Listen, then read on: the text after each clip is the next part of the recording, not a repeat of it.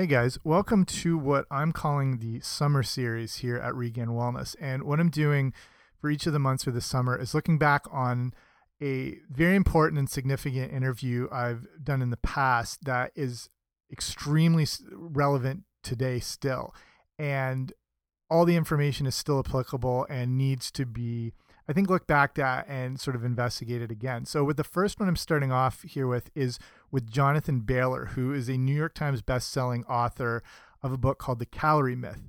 And what this looks at is this whole notion of how we are looking at our intake of food the wrong way, how calories in don't necessarily equal calories out, how our body actually works and how it can maintain sort of a status quo dependent on giving it the right thing. So this is one of my all-time favorite books, The Calorie Myth, and an amazing interview with Jonathan from a few years ago. So with this, we'll jump right into it. So I want to get right into it with your book, which is honestly one of my absolute favorites, The Calorie Myth. And in it, there's an interesting study, I believe, from North Carolina that says that calorie intake has gone up around 570 calories per day from 1977 to 2006. So there's there's an obesity problem we're aware of, but shouldn't we actually be a lot heavier than we really are?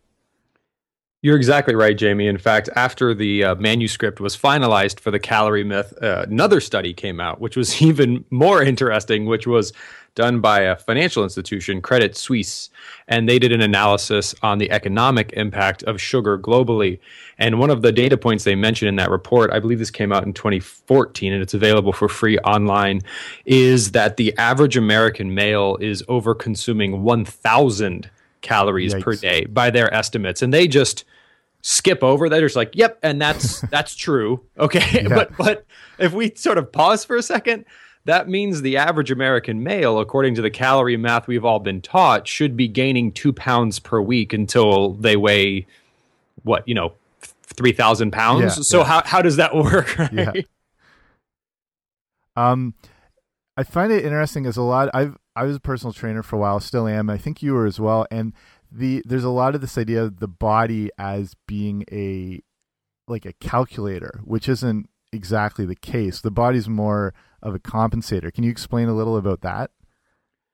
There's a really, really fabulous book. If if folks get a chance to check it out, it's called Anti Fragile. It's very esoteric, but it's a great yeah. book. And uh, in that book, the author describes the difference between machines and biology, and there's a big difference between those two, right? So, for example, if you look if you look at any mechanical object, the more you use it, it gets weaker. Like that's the nature of it, right? The yeah. more you drive your car, driving your car does not make it stronger. It, right. in any way, shape, or form. But like, let's look at our muscles, for example. If you don't use your muscles, they get weaker. Mm-hmm.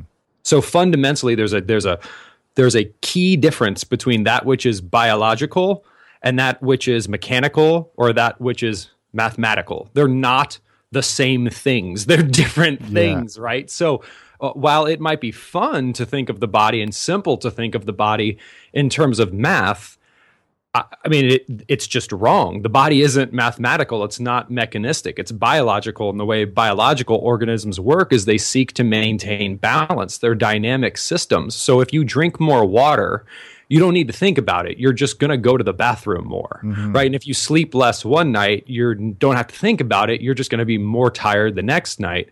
And the way your brain and hormones and gut are designed to work and are intended to work is when you eat the proper quality of foods that don't break down those internal balance mechanisms. Yes, calories exist and yes, they need to be in balance, but that should happen automatically just like it does for your blood pressure or your blood sugar, for example. Right. It's like with say like we don't have to worry about our, our balance of like how our body uses vitamin C or whatnot and calories are the same thing. What um talk a little bit about what set point is. Set point is the abstraction for this balancing system. So one way to the, the set point is the point at which the body's trying to balance. So another way to think about the set point is we humans all have about the same set point body temperature, right? Mm-hmm. 98.6 degrees. So if you walk into a hot room, your body will automatically do things to try to keep you at 98.6 degrees. Same thing if you go into a cold room. And if you get sick and your body breaks down and you don't heal it, that set point will change. It might be 101 degrees. We call that a fever. Yeah. And that's your body is now quote unquote balancing itself around a different set point because something is wrong with it. Okay. Yeah. So we have similar things. So we have a blood pressure set point, we have a blood sugar set point, we have a respiratory rate set point, right? You go for a jog, your breathing rate goes up for a while, but then it comes back down. Mm-hmm. So when we say set point in terms of your body weight, it just means we all have a level of body fatness that's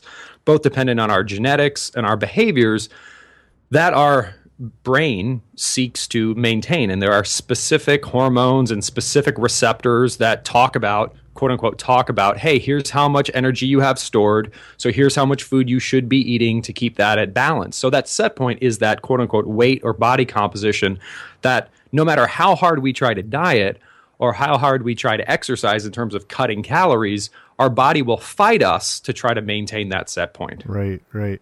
So when people are like most people's goals with exercise is to lose weight, no surprises there. When when people lose weight and they lose a lot of weight, they think they're losing fat. What's actually happening?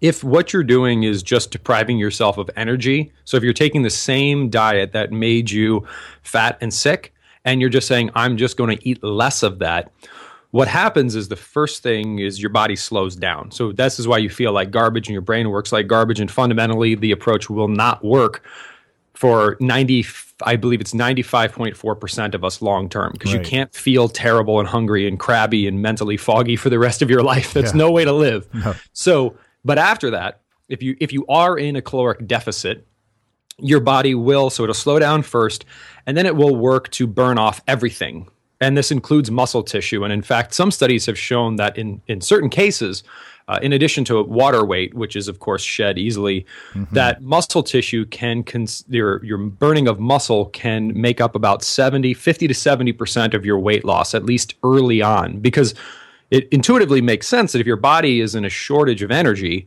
and here you have this muscle tissue, which is incredibly wasteful from an mm-hmm. energy perspective, right? Having a having 50 extra pounds of muscle on your body that you don't need. If you're starving, your body's like, get the heck out of here, right? Absolutely. I don't want this stuff. So it burns off the muscle. It will, of course, burn off some fat, but depending on your hormonal balance, it may even preferentially burn off that muscle. And there's actually been studies done, they could never do these on humans, and some would argue they shouldn't do them on animals where they've actually engineered animals that are so resistant to burning fat that they will actually cannibalize their internal organs and die before they burn off fat in wow. an energy deprived state.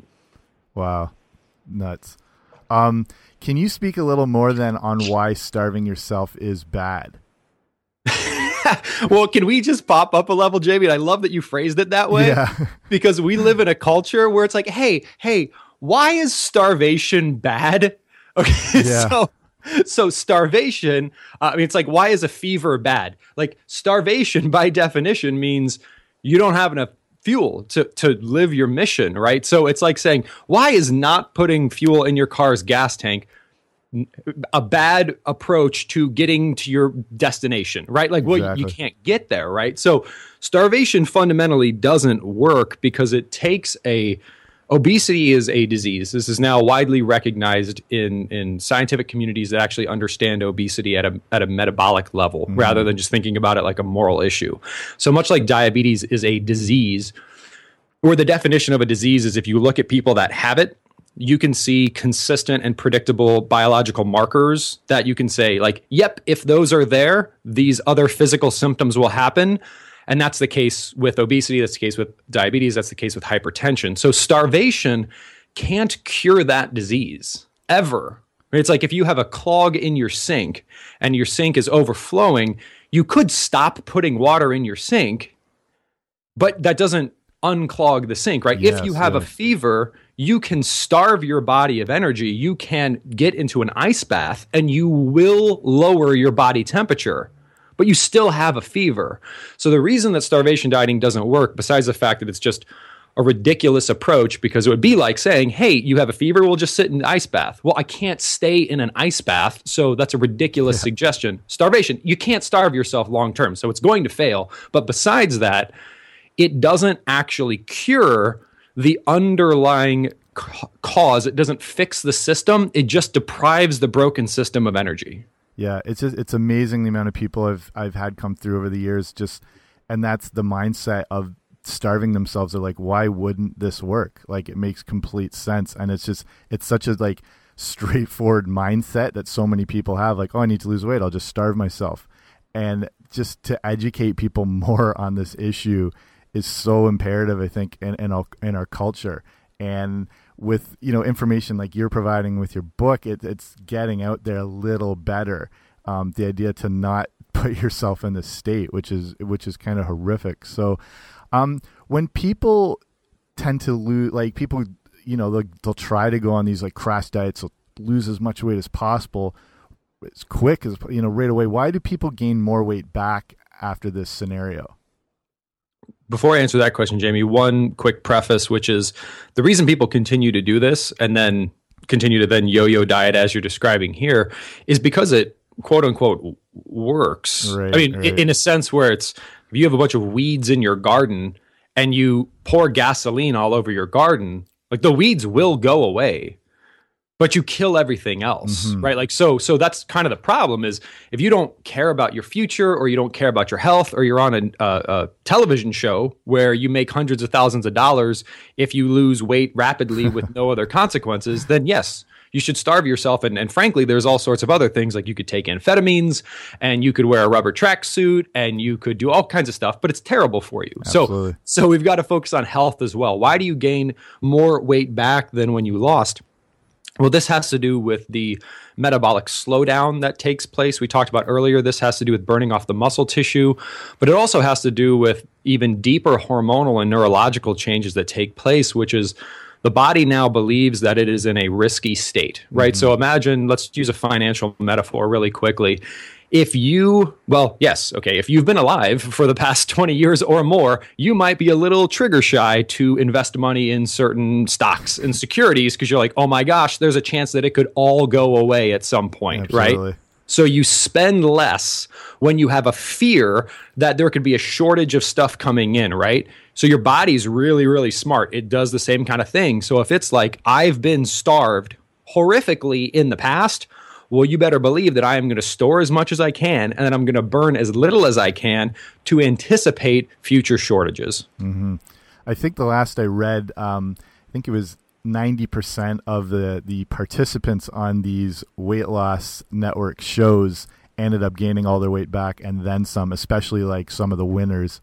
Not mentioning the name of these shows, but you know, people know what we're talking about here. So, um, you, referring to like the hormone issue, what's the role specifically of, of things like insulin and leptin and how they impact everything? Each hormone has a much different story behind it. So, and and insulin and leptin are two of the most talked about, but certainly there is a plethora of additional ones. In those looking at those two specifically, and insulin is a is is neither good nor bad, right? Like insulin is portrayed as this terrible thing in certain circles, but if you don't have insulin, you will die. Yes it's called type 1 diabetes actually so type yeah. 1 diabetes is you don't have any insulin and that's a big problem and it used to kill a lot of people before we uh, thought to inject with external insulin so insulin is what allows carbohydrate and protein to be utilized in your body so if you want to have energy in the form of glucose get into your cells you have to have insulin. So mm-hmm. it's just like a key. Yeah. Uh, too much insulin is bad, just like too much of anything is bad. If you inject yourself with testosterone and you have too much testosterone, that's bad too. If you know, yeah, so yeah. that's what insulin does. Too much of it is bad. Too much of anything is bad. Leptin, one of its key roles is it is released in your body eh, proportionate to the amount of body fat that you have. And it's what it's one of its purposes is it's meant to be a signal to your brain to say, hey, am I at my set point? Am I below it? Am I above it? So that your brain can then regulate appetite and calorie burn accordingly. So if you are metabolically healthy and you ate a gigantic breakfast, so you eat like just super calorie dense foods, you will be less hungry the rest of the day Yeah. because your brain will be say, "Hey, look, you took in 1200 calories before noon. Th- That's fine. You're just going to eat less the rest of the day." Right, right. And um, what's really interesting is leptin is a great example of how these metabolic dysfunctions take place in individuals who struggle with their weight. For example, researchers have looked at humans that are chronically obese and they've found that they have over 25 times the normal levels of leptin circulating in their bloodstream. So it's not that they have a shortage of leptin, their body's trying to say, you have all this fat stored. But then their brain, what they find is the receptors in their brain that are supposed to hear that hormone and do something based upon it have become blocked. Yeah. So the body just keeps on saying, Hey, I've got leptin, leptin, leptin. Same thing happens with insulin. It's called insulin resistance. And now these hormones, these signals to your brain and body to help balance calories automatically don't do their job. Yeah, it's amazing if you see someone who's quite obese, say, you know, 75, 80 pounds overweight. It's it's interesting why these people are ever hungry, if you think about it, you know, with that amount of, you know, storage potentially. Um, when people are going into the weight loss pursuits and whatever, they and people start to turn to some of these like horrific like snack pack little weight loss 100 calorie cardboard chocolate flavored crap what are talk to us about what sane foods are? So do you want sane foods or do you want, to, want me to go on a little rant about 100 calorie snack packs Both. for a second? I can do both. Both go nuts. Okay. okay. So the 100 calorie snack packs are ridiculous for two reasons. The first is that if you're hungry, you can't trick that, right? Like if, if your body is saying, I need energy and I need nutrition, you, you, you're not going to deceive it. So if, if your body needs 400 calories to do what it needs to do, and it needs vitamin C and it needs vitamin D and it needs amino acids, it's going to need that until it gets it. Right. So if you eat a 100 calorie snack pack that doesn't give you enough energy and doesn't give you enough nutrients, you're just going to need to eat a lot of those snack packs because you're not going to trick your body, right? So the other problem with 100 calorie snack packs is they're garbage food. They're insane, and this will be a good transition into sane, Perfect. where they don't provide us with that which is essential for human health and well-being. They actually provide us that which is addictive and toxic, and that which causes the neurological and digestive and hormonal underpinnings of obesity. So this then segues into well, so you said insane. What does that mean? Uh, there, the fundamental issue with calories and the focus on calories is there is they they point us in the direction of a quantity focus. Mm-hmm. How many calories are you eating? How many calories are you burning? And using that logic, companies like McDonald's can say, hey, look, we have a bunch of items on our menu that are under 400 calories. So by definition, all of that pink slime and high fructose corn syrup and gluten is good for you because everything in moderation, right? Yeah. And then you've got companies like Weight Watchers that are worth 1.5 billion dollars, and their whole claim to fame is, look, you can eat whatever you want as long as you don't eat more than 800 calories, and you'll be skinny. Okay, I mean, but you'll also die. Yeah. So that's probably not the best approach. So what Sane does is it says, so the alternative to saying count calories historically has been eat healthy food. Mm-hmm. The problem with that is if you ask 10 people what's healthy food, you're going to get 10 different answers. Right? Right, ask right, a right. person who's paleo versus a person who's Atkins versus a person who's vegan, what's healthy? Good luck, Yeah, right. so what we need is we need to look at science and, and not opinion and not theory and not ideology and say what is it that actually determines whether or not something is is quality meaning it provides us our body with what our body needs and doesn't have detrimental effects? So sane is an acronym for the four factors that determine if something causes human thriving or if something causes human suffering. So the S stands for satiety. Mm-hmm. That's how quickly a calorie or a food item fills us up and keeps us full. So we want to eat more satisfying foods. So Pringles, for example, which tell us that once you pop, you can't stop. Can't stop. No. It's telling us that these calories will make you hungrier, right? They have low satiety. So that's bad. the A stands for aggression. That's the hormonal impact of foods. We want to minimize the negative hormonal impact of food. The N is nutrition. That's how many essential nutrients, so vitamins, minerals, amino acids, and fatty acids, Sugar is not an essential nutrient. There's no such thing as an essential sugar. Mm-hmm. There's a reason that term doesn't exist. So, how many essential nutrients does this food provide us relative to garbage? So, a cereal, a sugar cereal, isn't healthy because it's had vitamins injected into it, because we have to look at the good relative to the bad, right, not right. just the presence of the good. That's also why and I know I'm going fast here, but hopefully folks can listen to this a couple times. Yeah, yeah. that's also why 10 donuts aren't 10 times more nutritious than one donut. Right? Because yes. along with 10 more, yes, it's true. You get 10 times more vitamin C from 10 donuts than you do from one but you also get 10 times more nonsense. So we all get this intuitively. So we want nutrition, and then the E is efficiency. And different sources of energy are more or less efficiently used or stored by the body. So, for example, protein is not a good energy source. In fact, it isn't an energy source. If you eat a bunch of it, your body will convert it into glucose, which is a sugar which can be burnt as energy. But protein in and of itself is not an energy source, it's a right. structural component. So if you trade, for example, low quality sugar calories or low quality processed fat calories for more protein calories, you will almost always burn body fat because you're shifting the composition of the fuel that's going into your body. You're eating fuel that is less efficient at being stored as fat, and therefore you end up burning fat. So, sane foods are satisfying, unaggressive, nutritious, inefficient. They're packed with water, fiber, and protein.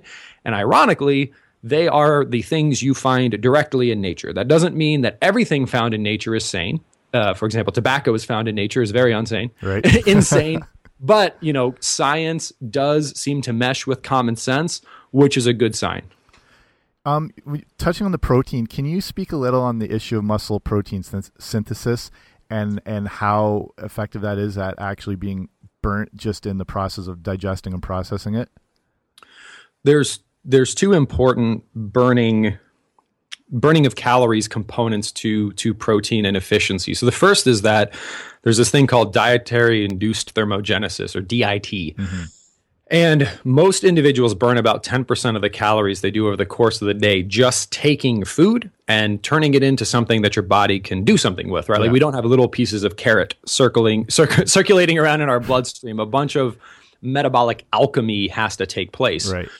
And when you eat protein, there's just a lot more steps that have to happen. So when you eat protein, your body uses it to rebuild your body. And then if there's stuff left over, then it has to get converted into sugar. That chemical transformation burns a bunch of energy. And then if there's more sugar than your body needs to fuel itself, then it goes through another chemical change. It turns into fat or triglyceride. That again burns a bunch of calories.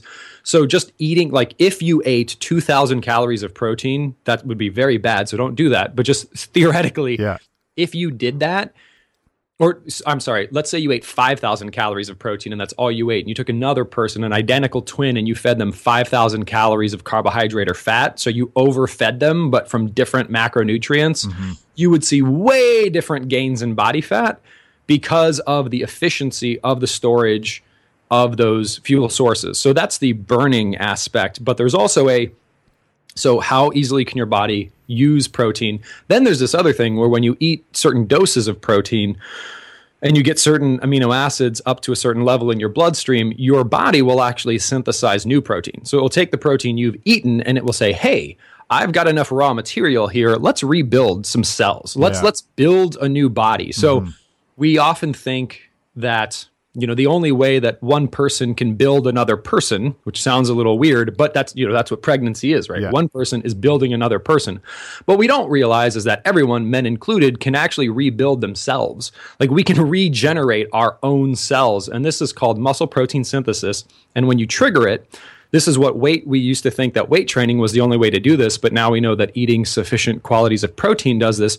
You will actually rebuild your own proteins in your body and to do this why did I bring up the baby example? Well, we know that pregnant women need to eat a lot to facilitate building a new person, yeah. right? Mm-hmm. When people trigger muscle protein synthesis, that process of building a new you can burn anywhere from five to 700 calories per day, researchers estimate. I mean, it can go up to one third of your total daily calorie burn.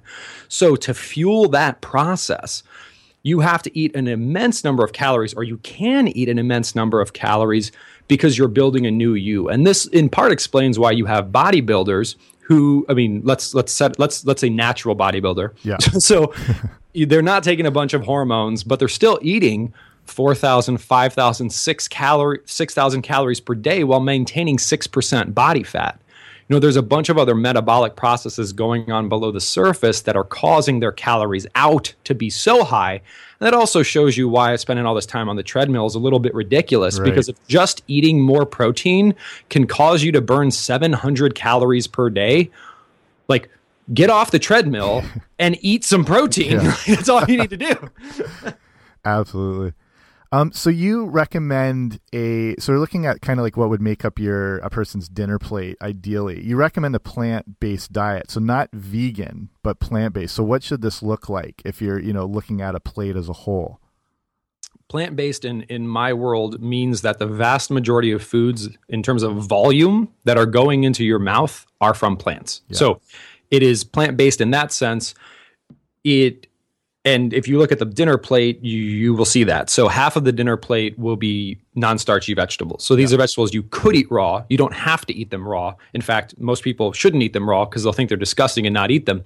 But for example, corn and potatoes can't be eaten raw. Those are not non-starchy vegetables. So just think to yourself, could I eat this raw? The answer is no, it's not a non-starchy vegetable. So mm-hmm. half your plate is non-starchy vegetables, hopefully a lot of which are green. And then about a third of your plate is going to be nutrient dense protein. And the, the highest quality sources in terms of the protein that can be most utilized by your body are going to come from animals or, or seafood. So humanely raised animals, wild caught seafood, ideally, and there are certain low sugar forms of dairy like Greek yogurt and cottage cheese, which can work. Yeah. And then the balance of your calories, excuse me, are going to come from whole food fats. So think nuts and seeds or eggs, and then low sugar fruits. So things like berries and citrus.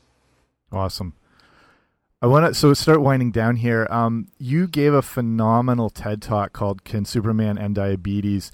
And I know like this is a whole huge, huge topic, and I'll link up the video on the show notes for that this episode. But can you just touch on this a little?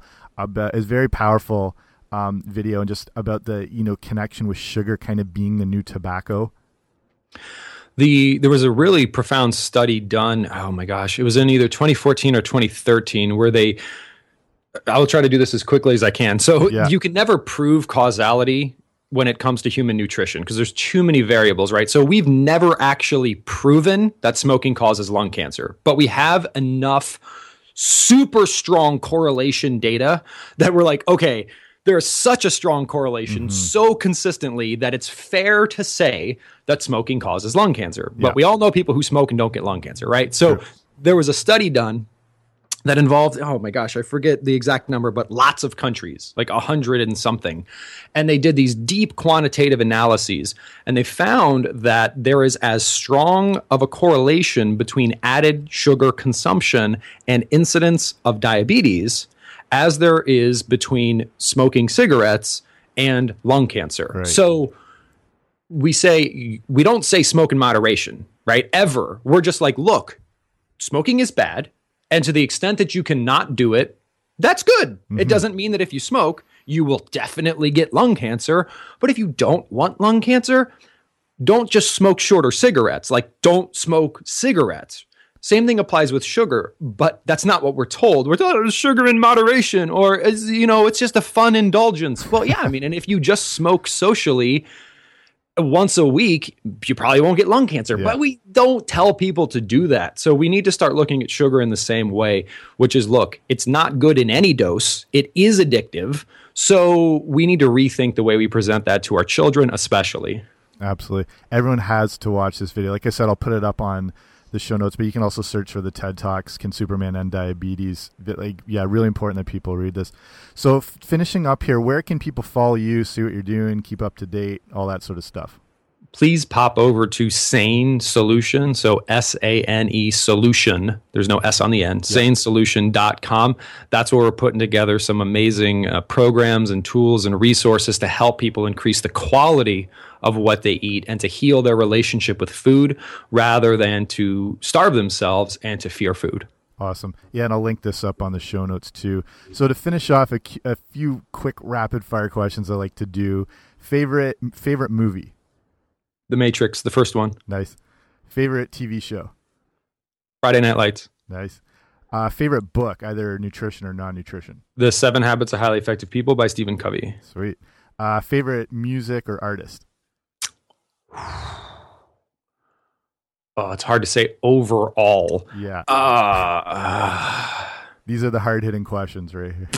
oh yeah, overall because it's it's for me music is totally mood based. yeah. Oh my goodness. Well, if I just had to say overall, it would be I don't like Armin van Buuren. Okay. Just his DJ sets. Yeah, yeah, yeah. Nice. Okay, last one. If you can only eat one food or meal for the rest of your life, what would it be? Is it food or meal? Because those are two different things. Let's go. Uh, let's go meal. Okay, meal.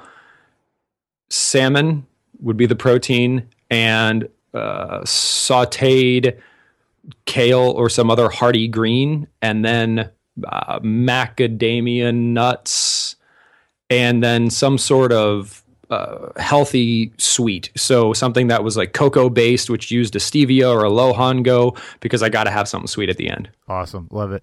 Thanks so much for doing this, Jonathan. Really appreciate it. Awesome. Thank you, Jamie. Thank you. Okay, and me back now. Amazing interview from back then. You might have listened to this one already. It's uh, I think it was like episode 39, but I really thought worth looking back at and just getting this I mean there's such such misconceptions and confusions over calories and calorie counting and, and hopefully this sort of sets the the record a little more straight and gives you a little more insight and clarity into this whole massive issue which will probably never go away, but it's important to learn um, as much you know of the insights and information as possible. And, and Jonathan Bailor, an amazing resource. And again, like I said, New York Times best-selling author. Check out the Calorie Myth wherever you get books. You can find it. So that's it for this uh, of the first part of the summer series here at Regained Wellness. Look out for the next couple that are coming soon. So if you make sure you're subscribed, they'll automatically get sent to you. That way you don't have to worry about searching for them, and they'll just show up wherever you get your podcast. Okay, that's it for me. See you later.